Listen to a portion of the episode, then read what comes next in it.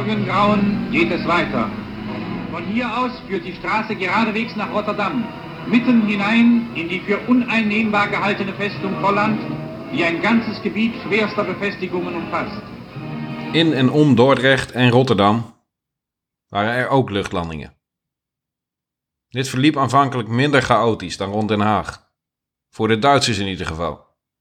Voor de Nederlanders was het effect vergelijkbaar.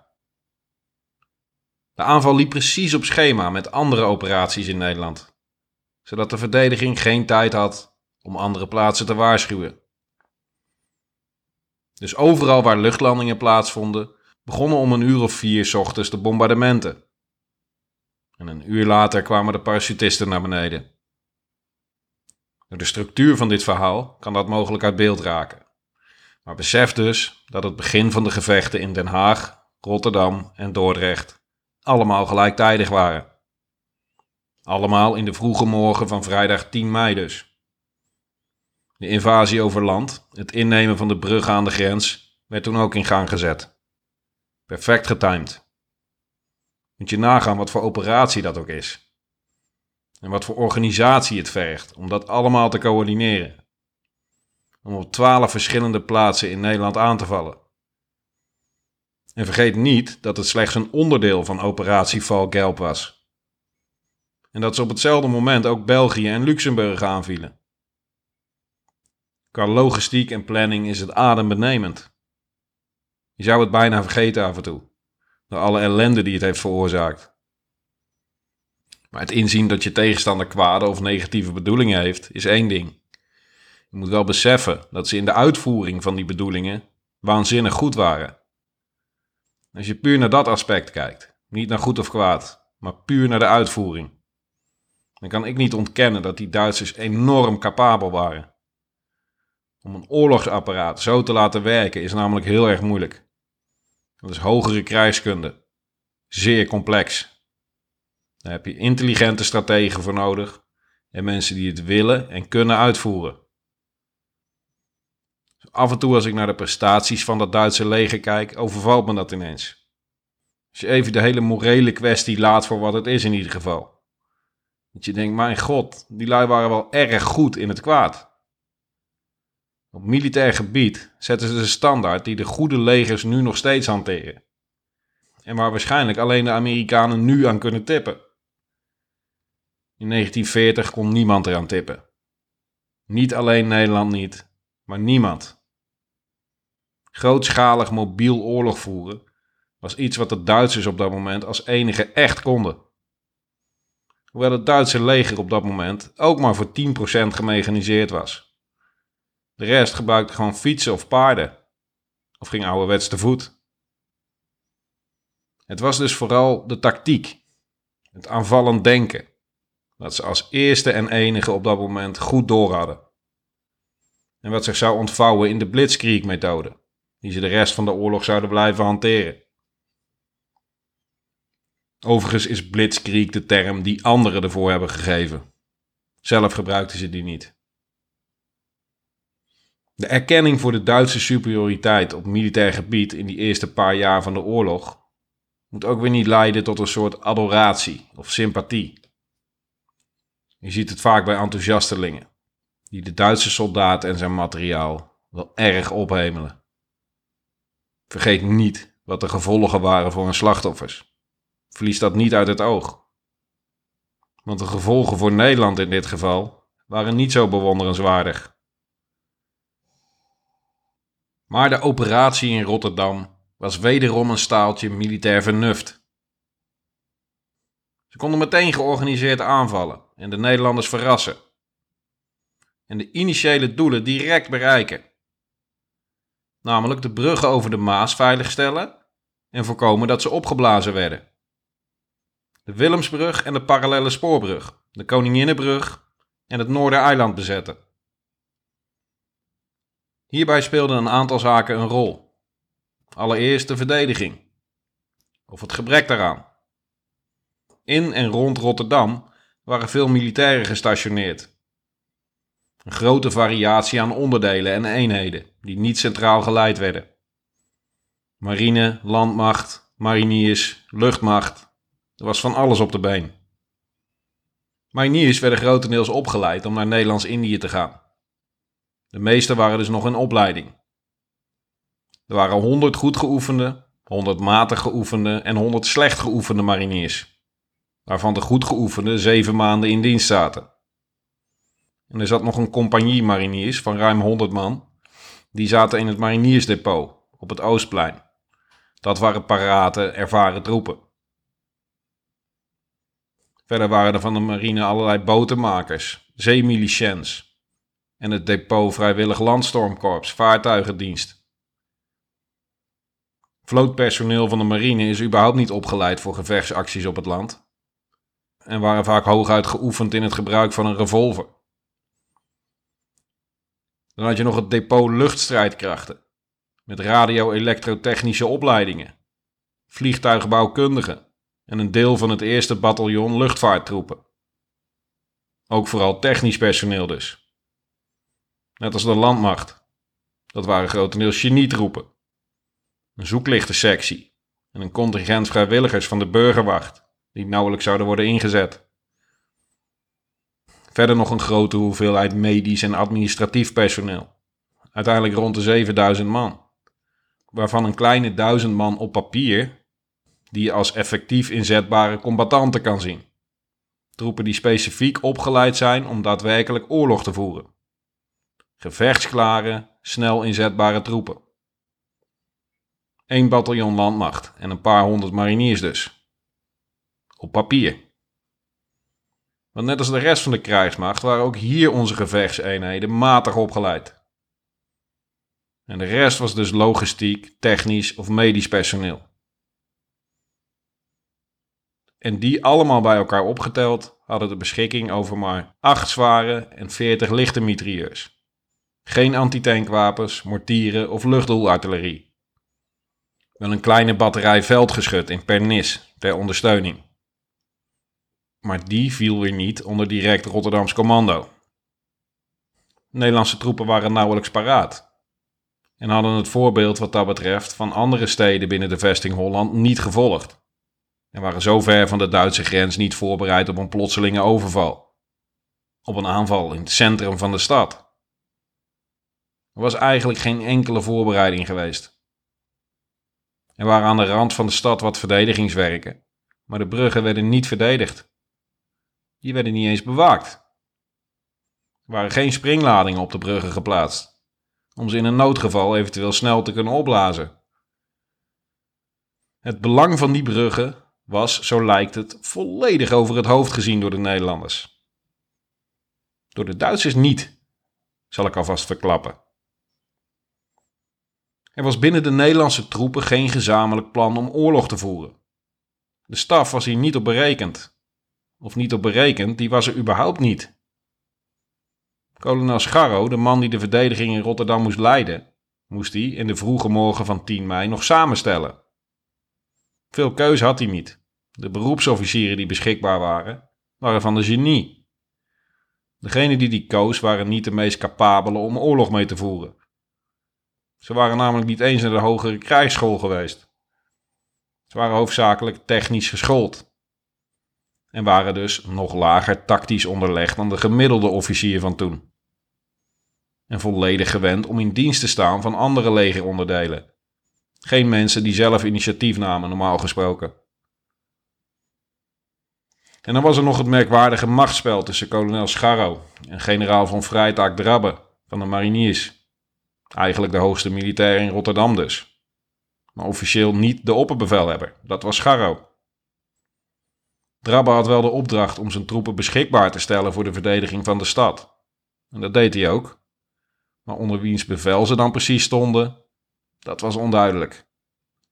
Scharro vond onder hem, Vrijdag Drabbe vond van niet. Dit is in een notendop wat er onderling speelde. De situatie was veel complexer dan dit. Maar dat ingewikkelde getouwtrek ga ik niet in detail beschrijven.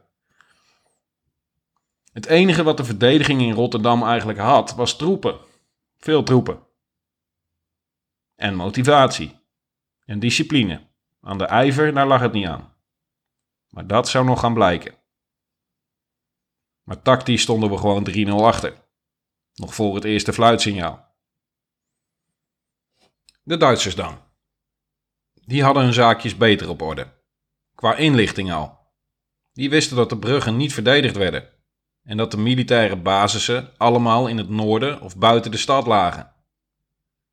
Dus hadden ze een gewaagde en briljante actie op touw gezet, bestaande uit drie essentiële elementen. Parachutisten die om de bruggen heen landen, om de toegang tot de bruggen in handen te krijgen. Een landing op de Maas met troepen die aan de noordkant een bruggenhoofd moesten maken. En aanvoer van versterkingen vanuit twee plaatsen in Rotterdam-Zuid. En toen zagen we de parachutisten boven de Maas hangen. Ik had nog nooit een parachutist gezien. Echt niet. En het bleek al dat er al watervliegtuigen geland waren op de Maas. En ja, en toen uh, brak de hel los natuurlijk. Toen begon het geknetter en geknal. En, uh, ja. Toen was het echt oorlog. In de vroege morgen van 10 mei landden er een dozijn watervliegtuigen op de Maas. Met speciaal voor dit type maritieme operaties opgeleide troepen. Ze waren in Denemarken en Noorwegen al op deze manier ingezet en hadden in Willemshaven speciaal op deze missie getraind.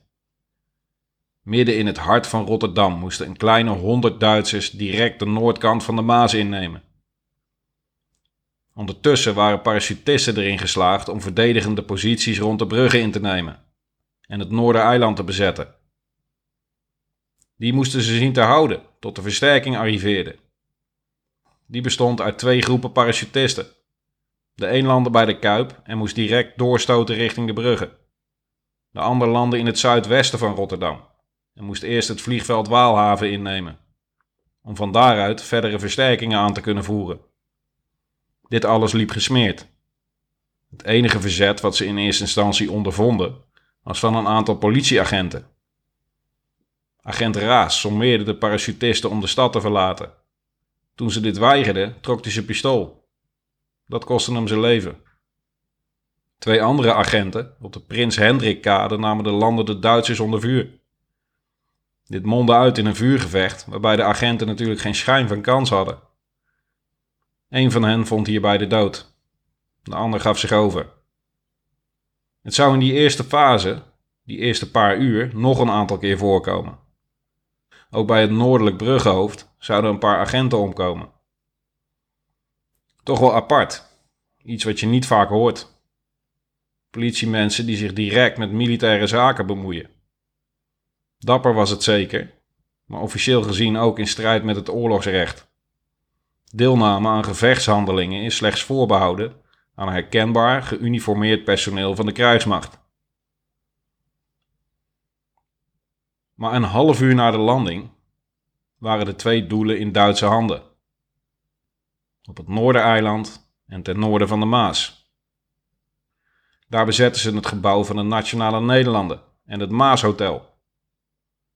Alles was tot die tijd rustig verlopen voor de Duitsers.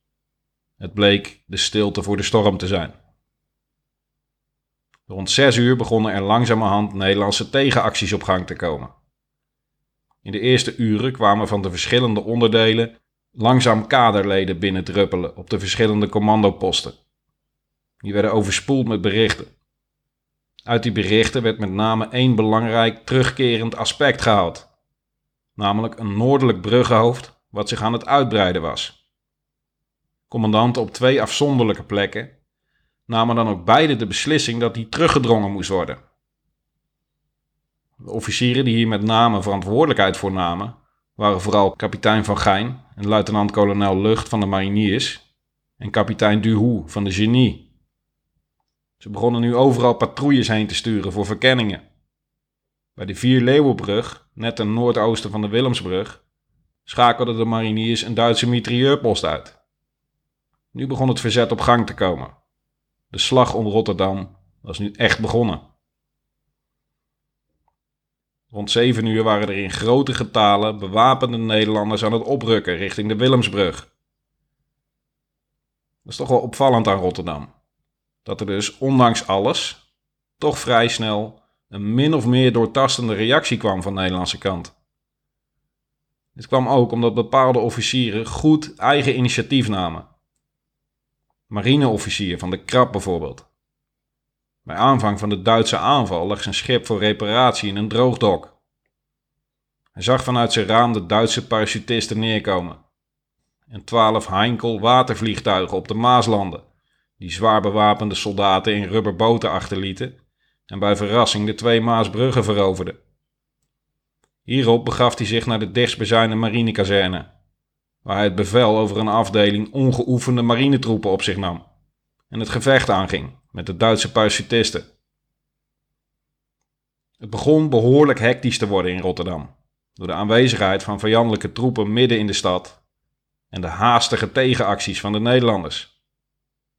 En de onzekerheid onder die troepen was groot, omdat er nu overal gevechten plaatsvonden en allerlei geruchten de ronde deden over NSB'ers en verraders, of Duitse infiltranten in Nederlandse uniformen, over een vijfde kolonne in ons midden.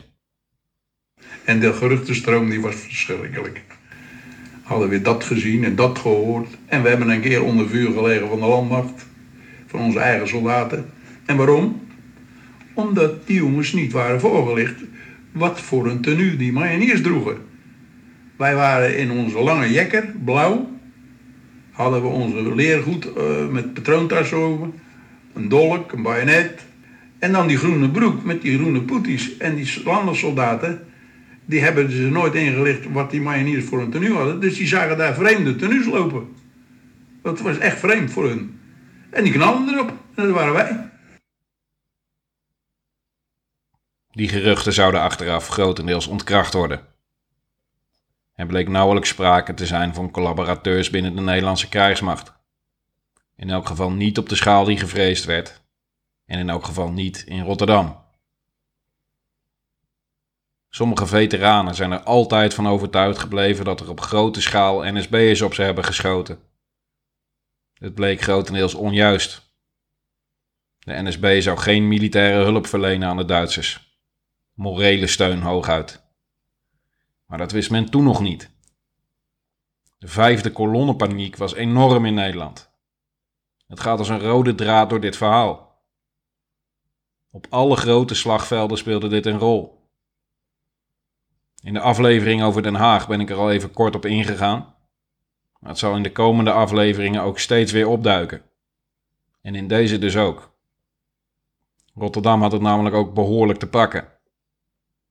Dit wantrouwen leidde met name in de eerste twee oorlogsdagen tot nerveuze vuurgevechten tussen de Nederlandse troepen. Een voorbeeld hiervan, tijdens de eerste uren van de strijd, heb ik van Zuidfront.nl. Ik citeer. Plotseling werden de mariniers op de begane grond van het noorden beschoten. Ze herkenden de Nederlandse landmachtmilitairen die ze onder vuur namen. Op allerlei manieren gebaarden en riepen de mariniers dat ze eigen troepen waren.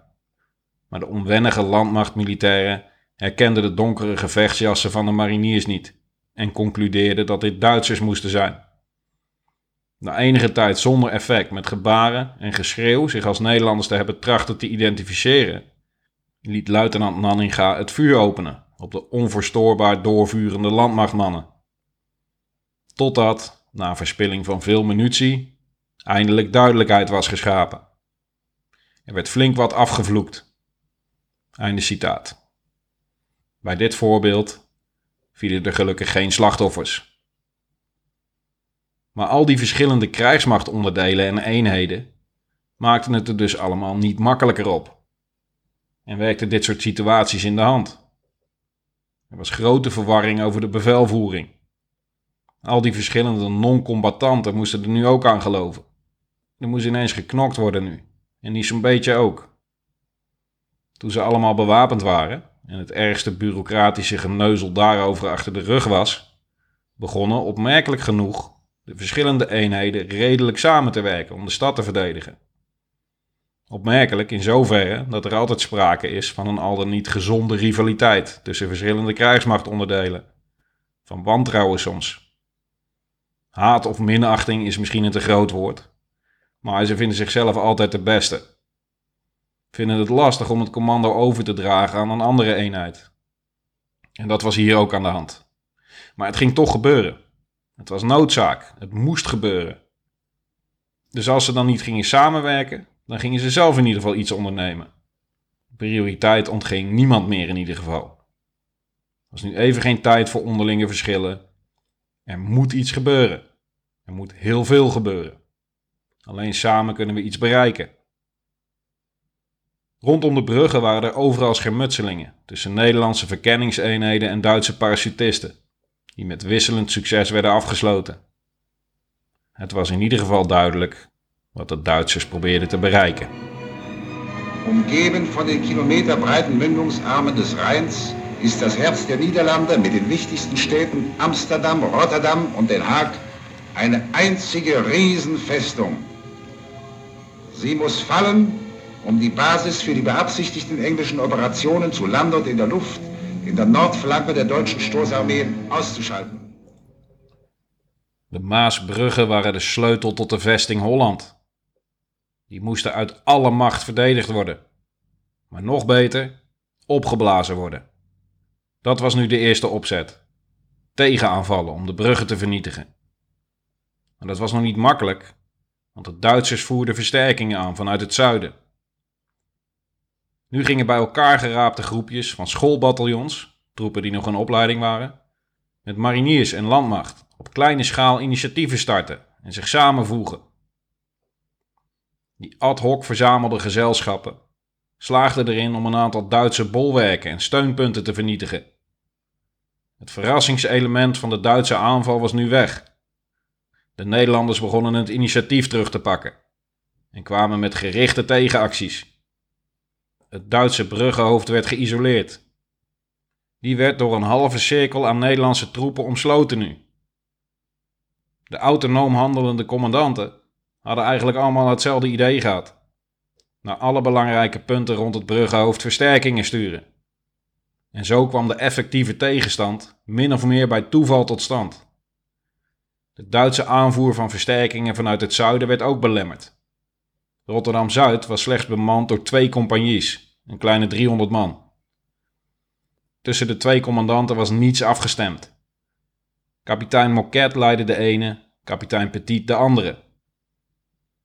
Moquet vond het allemaal veel te gevaarlijk en te spannend om daar midden in de stad met al die burgers erbij oorlog te gaan voeren. Hij bond een witte lap om zijn geweer en gaf zich over met zijn hele eenheid. Kapitein Petit dacht er heel anders over. Dat bleek een goede leider te zijn. Stuurde diverse secties op verkenningspatrouilles om overzicht te krijgen. De twee landingsplaatsen bij de Kuip en bij Waalhaven waren te sterk bezet om terug te nemen. Dus groef de compagnie zich in rond het Afrikaanderplein. Ze namen daar stelling. Het was niet genoeg om de volledige Duitse aanvoerlijnen richting het Noordereiland af te sluiten, maar wel in ieder geval de zuidwestelijke vanuit Waalhaven flink te verstoren. Ze hebben daar de hele dag fel gevochten en de vijand gevoelige verliezen toegebracht. De man onder oberstluitenant von Scholtitz, de hoogste officier in Rotterdam op dat moment, oberluitenant Graven, een majoor in het Nederlands, sneuvelde in een aanval op het Afrikaanderplein. De verdediging had ook nog wat versterkingen ontvangen van troepen die vanuit het vliegveld Waalhaven waren teruggetrokken. Het verzet in Rotterdam-Zuid duurde tot het eind van de middag, die 10e mei. Gek genoeg vielen er geen Nederlandse doden bij het Afrikaanderplein. Wel een hoop gewonden. Het had ervoor gezorgd dat de Nederlandse acties ten noorden van de Maas effectief waren.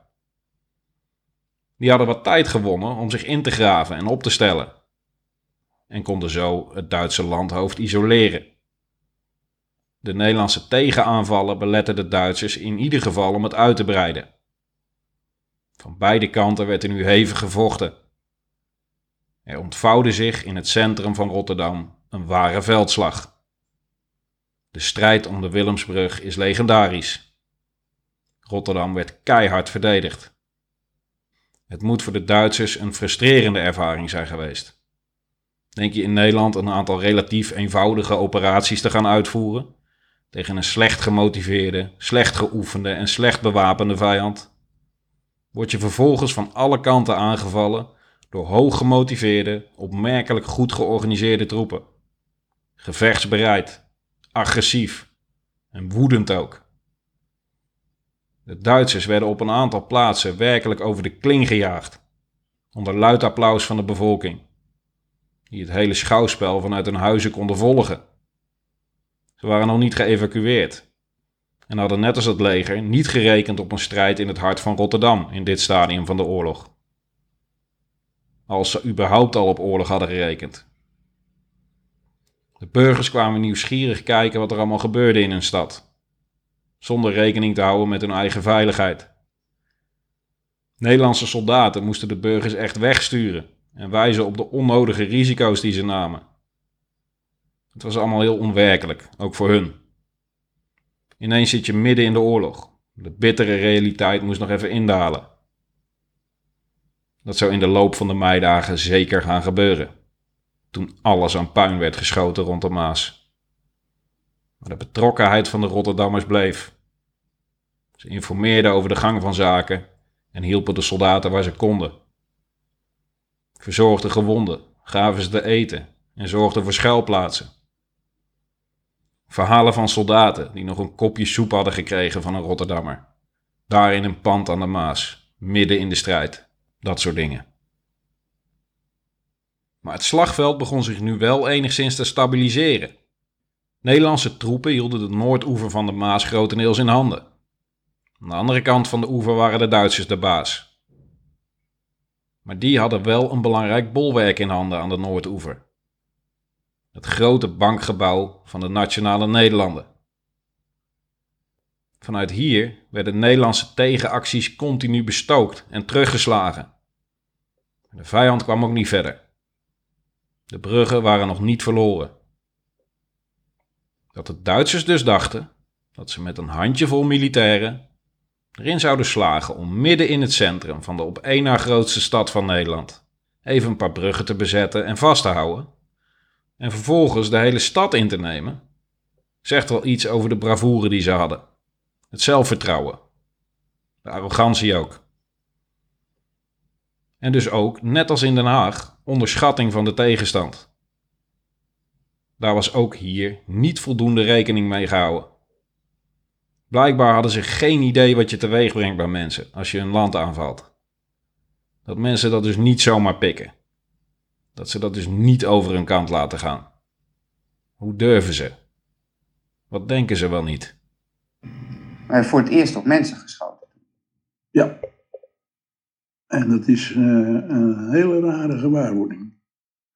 Maar niet meer als je eigen maat dood hebt zien schieten. Dan, dan moeten ze niet meer bij je komen.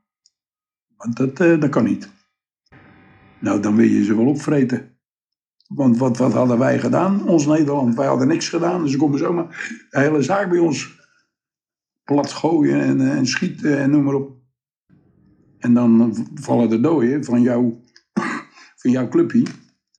Dan moet je eens kijken wat een razernij er dan tevoorschijn komt. Nou, dan wil je erop af. Je wil wraak nemen. Dat, dat ze zomaar iemand doodschieten. Ja, je deed het zelf ook, maar hun waren aan, aanstichters. Niet wij. Wij waren er voor de verdediging. De strijd woedde nu ter land, ter zee en in de lucht. Want er werden ook een aantal riskante acties ondernomen door marine en luchtmacht om de troepen te ondersteunen. Marineschepen beschoten de stellingen langs de Maas en namen de Duitsers onder vuur op de bruggen. Dit heeft ze een aantal keer belemmerd om de overkant te bereiken. Ze compenseerden daarmee het gebrek aan artillerie een beetje. Maar gevaarlijk was het ook. Ze hadden door smalle waterwegen moeten navigeren en werden continu aangevallen vanuit de lucht. Ook waren er mijnen gelegd door de Duitsers. Het was voor de marine dus een hachelijke onderneming geweest om daar überhaupt te komen. Laat staan de operatie zelf. De meeste werden na verloop van tijd dan ook vernietigd door de Luftwaffe. Zoals de torpedobootjager van Hans Larive, de Hare Majesteit van Galen. Het bleek een potvis in een stadsgracht. Eigenlijk te groot en te log om in binnenwater te functioneren. Gemaakt voor het ruime sop, de open zee. En hoewel de marine van oudsher ons sterkste krijgsmachtonderdeel is, ontbrak er ook bij deze relatief sterke schepen van alles aan de bewapening, vooral aan de luchtverdediging. De Vergalen was dus zeer kwetsbaar vanuit de lucht. Die werd nu vanaf het land bestookt met allerhande wapens, maar vooral vanuit de lucht, door veelvuldige aanvallen van Stuka's. Je weet wel, die duikbommenwerpers met dat angstaanjagende geluid. Ze hadden geen voltreffers gescoord op het schip, maar ook de explosies net naast het schip richtten schade aan. Uiteindelijk is die hierdoor zodanig beschadigd geraakt dat hij op zinken stond. Ze konden het schip nog net aan wal krijgen en de crew in veiligheid brengen voordat hij zonk. Hoewel in veiligheid. De matrozen hebben zich direct aangesloten bij de mariniers en hebben aan de strijd op land deelgenomen. Officier Hans Larive wist trouwens later in de oorlog uit de beruchte Colditz-gevangenis te ontsnappen, om via Zwitserland naar Engeland te vluchten en van daaruit de strijd voor te zetten als torpedobootcommandant. Die zou gedurende de oorlog meerdere Duitse schepen tot zinken weten te brengen. Maar dat zijn verhalen voor een andere keer. Nu weer terug naar de actualiteit. De meidagen van 1940, de marine, Rotterdam. Het verhaal van Willem van Lierdam, nog zo'n officier die de militaire Willemsorde zou winnen voor zijn rol in deze strijd. Dit gaven ze als reden om hem die medaille toe te kennen. Ik citeer. Voor daden van moed, beleid en trouw. Op de 10e mei 1940, na bekomen bevel, zich met onze torpedoboot Z5, waarover hij het bevel voerde, was opgestoomd naar Rotterdam en daar onder heftig mitrailleur en lichtgeschutsvuur de overgang van Duitse troepen van de zuidelijke Maasoever naar de noordelijke over de Maasbrug had bemoeilijkt en tijdelijk had verhinderd. Totdat de aan boord aanwezige munitie was opgeschoten. Daarna is hij met zijn boot, waar aan boord zeven opvarenden tijdens deze actie gewond waren geraakt, naar Hoek van Holland teruggekeerd, om zich daar van nieuwe munitie te voorzien. Daarna had deelgenomen aan de bestrijding van Duitse afsluitingen op de oevers van de Nieuwe Waterweg. En vervolgens met zijn schip naar Engeland was overgestoken. Einde citaat. Tot zover de marine, die bij Rotterdam dus heeft geroeid met de riemen die ze hadden. De Nederlandse luchtvloot liet zich ook gelden. Door de zware bombardementen op de vliegvelden waren de meeste toestellen vernietigd voor ze op konden stijgen. En er was al niet veel. Er werd gedaan wat men kon. Onder hevig vuur werden toestellen volgeladen met munitie en brandstof, om vervolgens met ware doodsverachting de strijd in de lucht aan te gaan. Luitenant Bodaan bijvoorbeeld. Die heeft tijdens het bombardement op Schiphol zijn vliegtuig startgereed gemaakt, is gestart, opgestegen, heeft vijandelijke vliegtuigen beschoten en is toen al zijn munitie op was onmiddellijk weer geland. En zonder enige aarzeling, zonder enige dekking te zoeken, met behulp van grondpersoneel zijn vliegtuig opnieuw gevuld met munitie. Toen is hij onder hevig vuur van vijandelijke jachtvliegtuigen wederom gestart, is weer het gevecht aangegaan en heeft weer al zijn munitie opgeschoten. En is opnieuw geland. Kende hij geen twijfel, geen angst? Dat vraag je je wel eens af bij dit soort mensen. Het moet indrukwekkend zijn geweest, ook van zijn vijanden. Om iemand zich zo te zien uitsloven. Die zo onaflatend, resoluut handelt, zonder een krimp te geven. Absolute definitie van niet buigen voor tirannie. Want als je hiervoor niet buigt, waar buig je dan wel voor? En vergeet niet, hij had zich al onderscheiden. Het was genoeg zo. Je hebt genoeg gedaan. Deze strijd kan je niet winnen. Maar het belette hem niet om weer, voor de derde maal, zijn vliegtuig te vullen met munitie en op te stijgen. En weer de strijd aan te binden met een overweldigende overmacht. Hij manoeuvreerde, vroeg het uiterste van zijn kist. Beschoot de ene na de andere vijand. Hoeveel hij er heeft neergeschoten, weet niemand precies.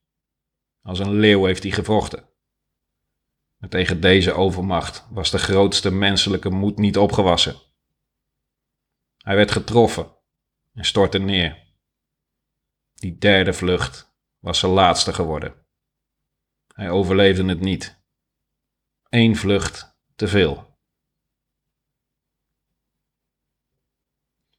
Ook onze bommenwerpers zijn tussen haakjes gewoon hun taken gaan uitvoeren.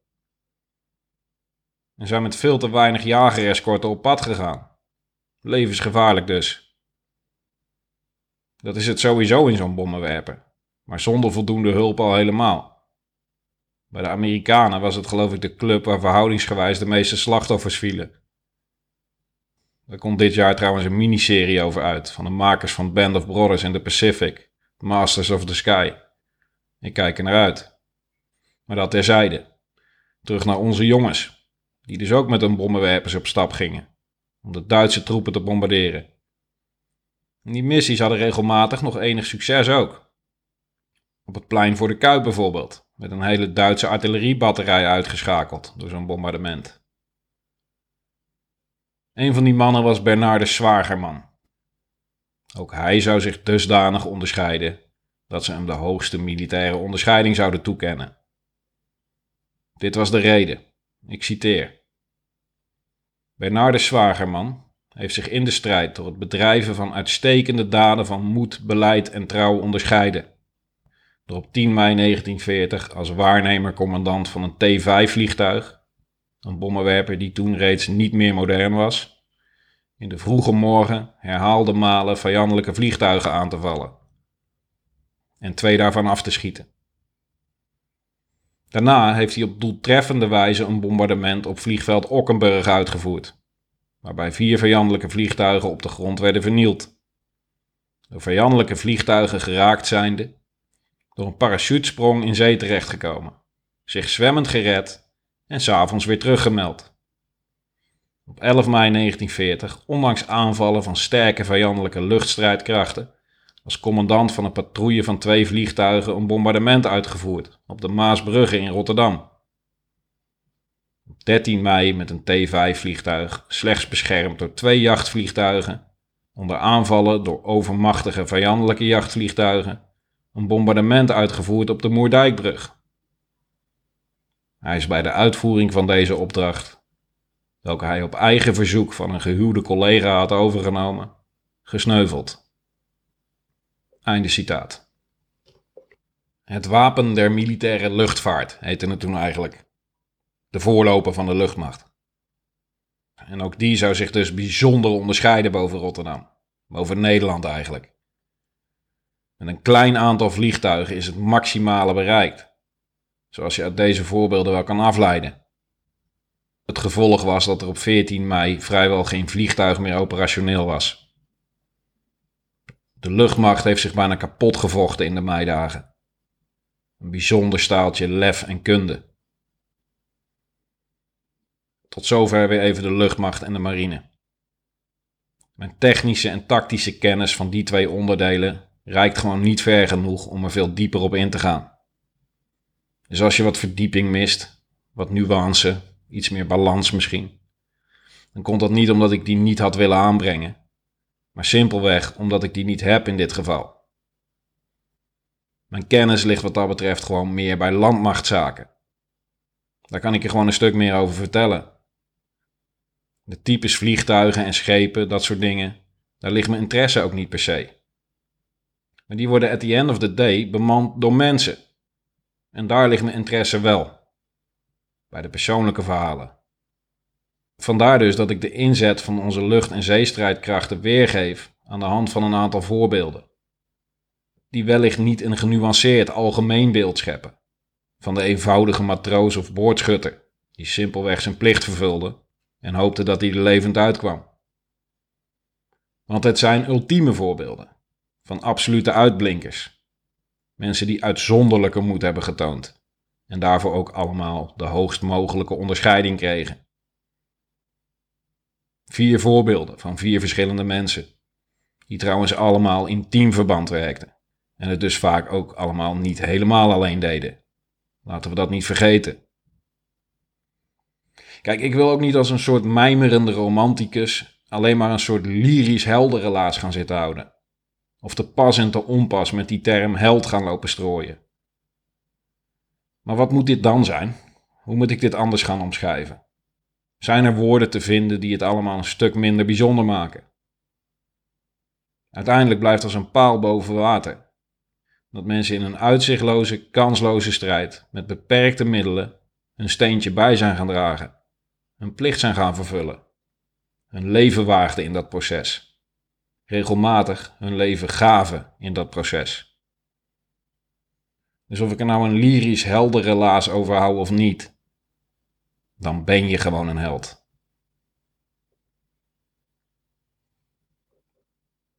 Op de grond in Rotterdam ging het ook nog steeds behoorlijk tekeer. De straten rond de Willemsbrug waren niemandsland geworden. Dat was open terrein, met weinig dekking. Nou, er lagen op de weg van alles. Handwagens, eh, troep. En eh, zijn we toch eh, bij de Maasbrugge terechtgekomen.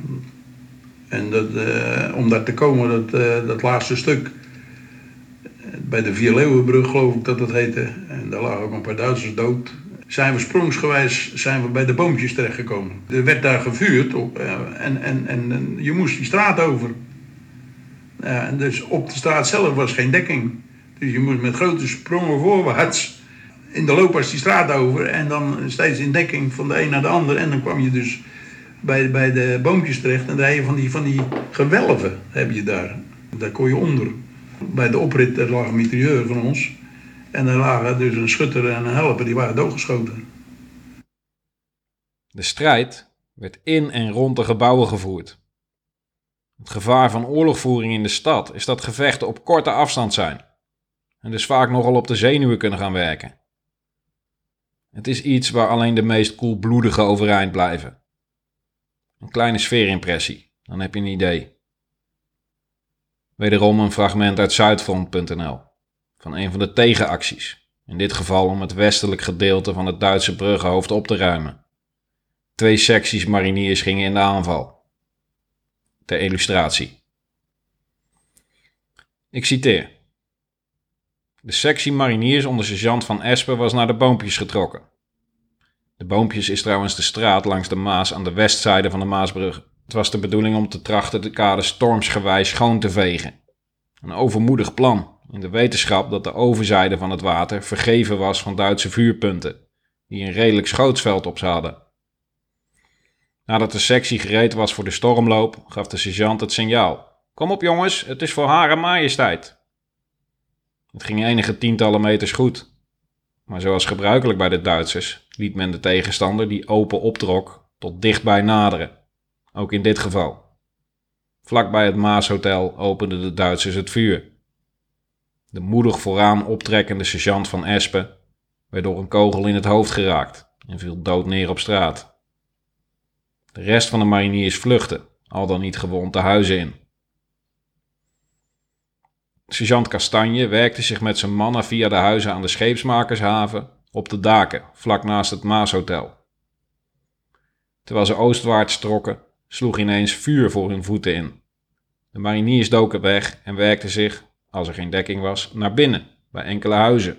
De sergeant wist een telefoon te vinden en het Oostplein te bereiken. Hij verzocht hun de manschappen in het Witte Huis te informeren dat zij Nederlanders waren. In elk geval hield het vuren op, nadat de kades aan de Wijnhaven vanuit het Witte Huis met lichte mitrailleurs werden besproeid. De klauterpartij van sergeant Kastanje en zijn moedige mariniers, overigens gegidst door een burger die de weg over de daken feilloos wist, werd door vele Nederlanders schadegeslagen. Vanuit het Witte Huis in de Rederijstraat keek iedereen gespannen toe. Uiteindelijk kwamen ze op het dak van het Maashotel. De positie was slechts enkele tientallen meters verwijderd van het gebouw van de Nationale Levensverzekeringsbank, dat door de Duitsers tot vesting was omgebouwd. Via het dak bereikten ze, de sergeant voorop, de zolder van het hotel. Eén voor één gingen ze naar binnen. Een van de twee mitrailleurs bleef op het dak om vuursteun te kunnen geven op de boompjes.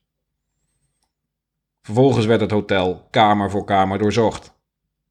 Zo volgden meerdere etages totdat stemmen werden gehoord. Mariniers stormden naar binnen en vonden daar een viertal kaartende burgers. Die hadden geen kant op gekund toen de Duitse overval zich ontwikkelde.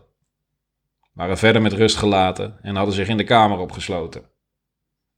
Ze zeiden dat er enkele Nederlanders vast werden gehouden in het gebouw en dat er veel Duitsers beneden zaten. De onderste verdiepingen werden Duitse bevelen gehoord, waardoor duidelijk bleek dat de tegenstander vlakbij was. Voor het hotel bleek een aanzienlijke concentratie Duitsers aanwezig. Sergeant Kastanje beval de tweede mitrailleurbemanning in het gebouw naast het hotel een gunstige positie in te nemen, zodat zij het landhoofd van de brug konden beschieten. Enige minuten later liet hij het vuur openen en brak een ware hel los. De Duitsers waren even van een stuk, leden verliezen, maar beantwoordden het vuur spoedig. Meerdere vijanden werden geraakt door het vuur en vielen. Anderen zaten te goed verscholen in de schuttersputjes die gegraven waren, of onder de brug of achter de vrachtwagens konden schuilen. De Duitsers kregen nu ondersteuning van twee 8 centimeter mortieren van het Noordereiland. Enkele gebouwen vlogen in brand door de mortierinslagen en marinier van Winkel werd gedood. Na enige tijd temperde het vuur aan beide zijden. Doelen waren niet meer zichtbaar. De mariniers versterkten hun posities en de Duitsers bleven wijselijk uit beeld.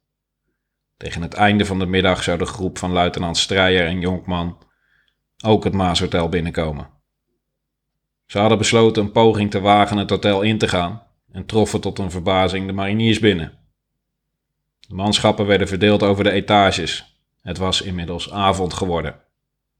Einde citaat. Het Maashotel zou vlak hierna afbranden.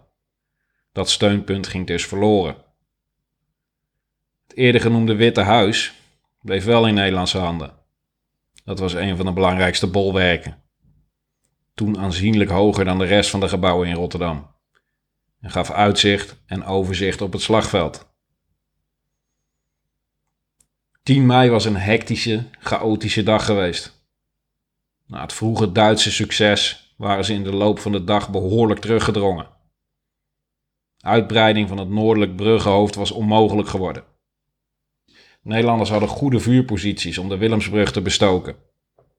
Pogingen om de Duitse versterkingen overheen te sturen waren aan flarden geschoten. Want die, die Duitsers die zijn aan, aan deze kant geweest hoor. Maar die zijn door die mariniers zijn die toch weer terug de brug overgejaagd. Een motorfiets van de Duitsers met zijspan. Ja, die werden bij ons afgeknald natuurlijk. Maar ze hebben wel alles geprobeerd. Maar die, ze zijn toch niet meer over de brug geweest. Die brug, dat was een moeilijk ding om, om, om daar overheen te komen. Dat was moeilijk hoor. Witte Huis schoven zo rechtstreeks naar beneden, precies op de oprit van die brug. En die moffen die hebben het ook geprobeerd. Maar ja, als daar ze de kop lieten zien, want hun moesten zich bewegen en wij konden stil liggen en dan knallen. We gaan niet op de brug staan, hier ben ik. Die gaan van dekking tot dekking natuurlijk, hè? dat doen wij ook. Maar juist bij dat sprongetje maken, dan moet je hem proberen te pakken. En, en ze hebben steeds geprobeerd toch naar de overkant van de brug te komen. Maar met tussenpozen op den duur hoor. Want in de eerste dag was het natuurlijk het hevigste. Want ze dachten dat ze die brug even over konden komen. Maar die mariniers die hadden ze goed te pakken. Ja. Door de versterking vanuit Waalhaven en de Kuip waren het Noordereiland en Rotterdam-Zuid stevig in Duitse handen. Maar de slag om Rotterdam was verre van voorbij. Want Rotterdam-Noord was stevig in onze handen. Dat zou de volgende dagen niet veranderen. Vanaf 11 mei zou het front niet meer drastisch verschuiven, zoals de dag daarvoor het geval was. 11 mei wordt gekenmerkt door het versterken van posities en het aanvoeren van versterkingen. En dodelijke vuurgevechten over de Maas. De Duitsers hielden hun posities, lieten offensieve acties achterwege. Vergeet niet dat ze met een relatief klein verband aanwezig waren. Een mannetje of 7, 800. Standhouden was vanaf nu het devies. Maar dat was ook het Nederlands devies. Omdat hun verkenningseenheden grotendeels gevangen waren genomen, wisten de Duitsers dat niet. Een ander opmerkelijk moment op 11 mei was toen soldaat de Ridder en sergeant Mussert samen, onder hevig vijandelijk vuur, een aantal stukken geschut veiligstelden. Ze werden beide voorgedragen voor een dapperheidsonderscheiding. Alleen de ridder zou die ontvangen. Jean Mussert was de zoon van overste Mussert de commandant van Dordrecht. En ja, je raadt het al, een neefje van Anton Mussert, de leider van de NSB. Er hing al dan niet terecht een zweem van verraad rond die familie. Luitenant van der Monde, zijn sectiecommandant, zei er later over. Ik citeer. Sergeant Mussert is op een gegeven moment, toen iemand over zijn oom sprak, in huilen uitgebarsten en heeft gezegd dat als wij wisten hoe hij zijn oom verafschuwde, wij nooit zouden verwachten dat hij iets tegen onze eigen troepen zou ondernemen. Voor zover ik weet heeft hij zich nooit over zijn vader, de overste Mussert, uitgelaten. Einde citaat. In de volgende aflevering, over de slag om Dordrecht, zal overste Jo Mussert nog uitgebreid aan bod komen. De volgende dagen zou de druk op het noordelijke Duitse bruggenhoofd alleen maar toenemen. Die zaten volledig geïsoleerd. De communicatie met het Noordereiland was weggevallen. Ook begon de munitie langzaam op te raken. De Duitsers daar waren dus afgesneden van versterking en hebben zich dagenlang moeten handhaven onder hevig vuur. Op enig moment stonden ze daar zelfs op het punt om zich over te geven. Het opgeven van de bruggen en terugtrekken was wel degelijk een reële optie voor de Duitsers geworden. Heel Rotterdam op moeten geven was zelfs niet meer ondenkbaar. Dit was wat de Duitse divisiestaf erover zei op 12 mei. Ik citeer. Bij drie sectie is de situatie nog onrustiger. De bruggenhoofden worden nog vastgehouden. Maar de divisie heeft de commandant van drie sectie gemachtigd om het noordelijke deel van de Rotterdamse brug op te geven. En zich terug te trekken naar het eiland in geval van een overweldige vijandelijke aanval. Op bevel van de divisie moet bij verdere versterking van de aanval de hele brug worden opgegeven. De divisie is van plan om zich, als Rotterdam niet kan worden vastgehouden, terug te trekken naar het oostelijk gebied tussen Noord en Maas. De bruggen bij Dordrecht en de snelwegbrug ten zuiden van Alblasserdam moeten absoluut worden vastgehouden. Einde citaat. Wisten zij veel dat de Nederlandse troepen helemaal niet in staat waren om die overweldigende aanval te doen? Maar zij ook niet. Zelfs niet toen Duitse tanks arriveerden op 13 mei. De bruggen waren nog steeds niet opgeblazen. Die opzet was mislukt. Maar er overheen zien te komen was zelfmoord. De tanks konden de Maas nog niet oversteken dus. Voordat het verzet was gebroken in Rotterdam-Noord was dat onmogelijk. En dat verzet breken lukte maar niet. De panzersteun gaf de Duitsers wel een hoop extra vuurkracht trouwens. Waardoor het terugveroveren of opblazen van de bruggen nu ook nagenoeg onmogelijk was geworden. De moraal onder de Nederlanders was naar omstandigheden nog best hoog. Ze hadden een draai gevonden. En het werkte. We houden ze tegen. Dat gaf een kick. De nervositeit van de eerste dag was de komende dagen omgeslagen naar standvastigheid. Resoluut en met ervaring in de zak. Het vuur werd ook steeds accurater en doeltreffender in de loop van de meidagen. Ze hadden nog nooit zoveel geschoten en hadden nu naar hartelust kunnen oefenen op levende doelen. Het ontbrak de Nederlanders wel nog steeds aan de middelen en de organisatie om succesvolle tegenacties te ondernemen. Om echt iets te kunnen veranderen of om de Duitsers definitief de stad uit te jagen. Standhouden was het hoogst haalbare nu. Er werden evengoed diverse aanvallen gepoogd om Duitse bruggenhoofden te vernietigen. Vooral die hele vervelende, dat doren in het oog, de Nationale Levensverzekeringsbank. Op 13 mei zijn twee compagnies mariniers nog in de aanval gegaan, zo'n 200 man dus. De aanval liep stuk door zware mortierbeschietingen en matige afstemming tussen de beide compagnieën. Wederom dus door wat ik al eerder aanhaalde. De Nederlandse eenheden waren niet getraind om te opereren in grote verbanden en de verbindingen waren ronduit slecht. Echt een tactisch plan was er überhaupt niet bij dit soort aanvallen. Gewoon simpelweg vijand aangrijpen en verdrijven. Voorwaarts! In die aanval gebeurde er nog wel iets wat later vaak besproken zou worden. Een groepje mariniers raakte afgesneden van hun eenheid. Een aantal werden gedood. En zes man hebben zich toen in de pijler van de brug verscholen, met een aantal gewonden. Daar midden in het centrum van de gevechten, midden in de kogelregen, hebben ze zich schuilgehouden tot en met het bombardement en de capitulatie. De strijd in Rotterdam zou doorgaan tot het bombardement op Rotterdam. De Nederlanders hadden al die tijd hun stellingen weten te handhaven ten noorden van de Maas. Rond de Maasbrugge is vijf dagen lang verbeten gevochten door beide partijen. Toch nog even over die Duitsers. Die hebben dus ook dagenlang stand gehouden midden in Rotterdam.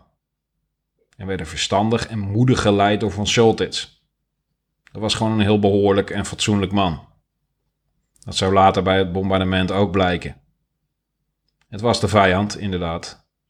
Maar dit mag dik 80 jaar later eerlijkheidshalve ook best gezegd worden.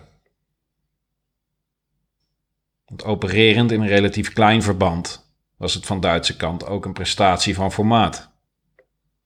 Ook is hun gedrag relatief netjes geweest, voor Duitse begrippen zeker.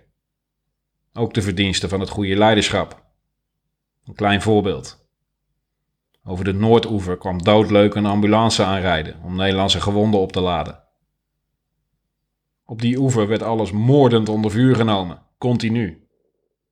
De ambulance kreeg vrije doorgang. Ze hielden zich in dit geval dus nadrukkelijk aan het oorlogsrecht. Ere wie ere toekomt. En dat komt onze jongens in Rotterdam ook zeker toe. De strijd zou tijdens en na de oorlog een symbool worden voor Nederlandse moed en onverzettelijkheid. En dat is deels gewoon terecht. Met name de rol van het korps mariniers heeft na de oorlog bijna mythische vormen aangenomen.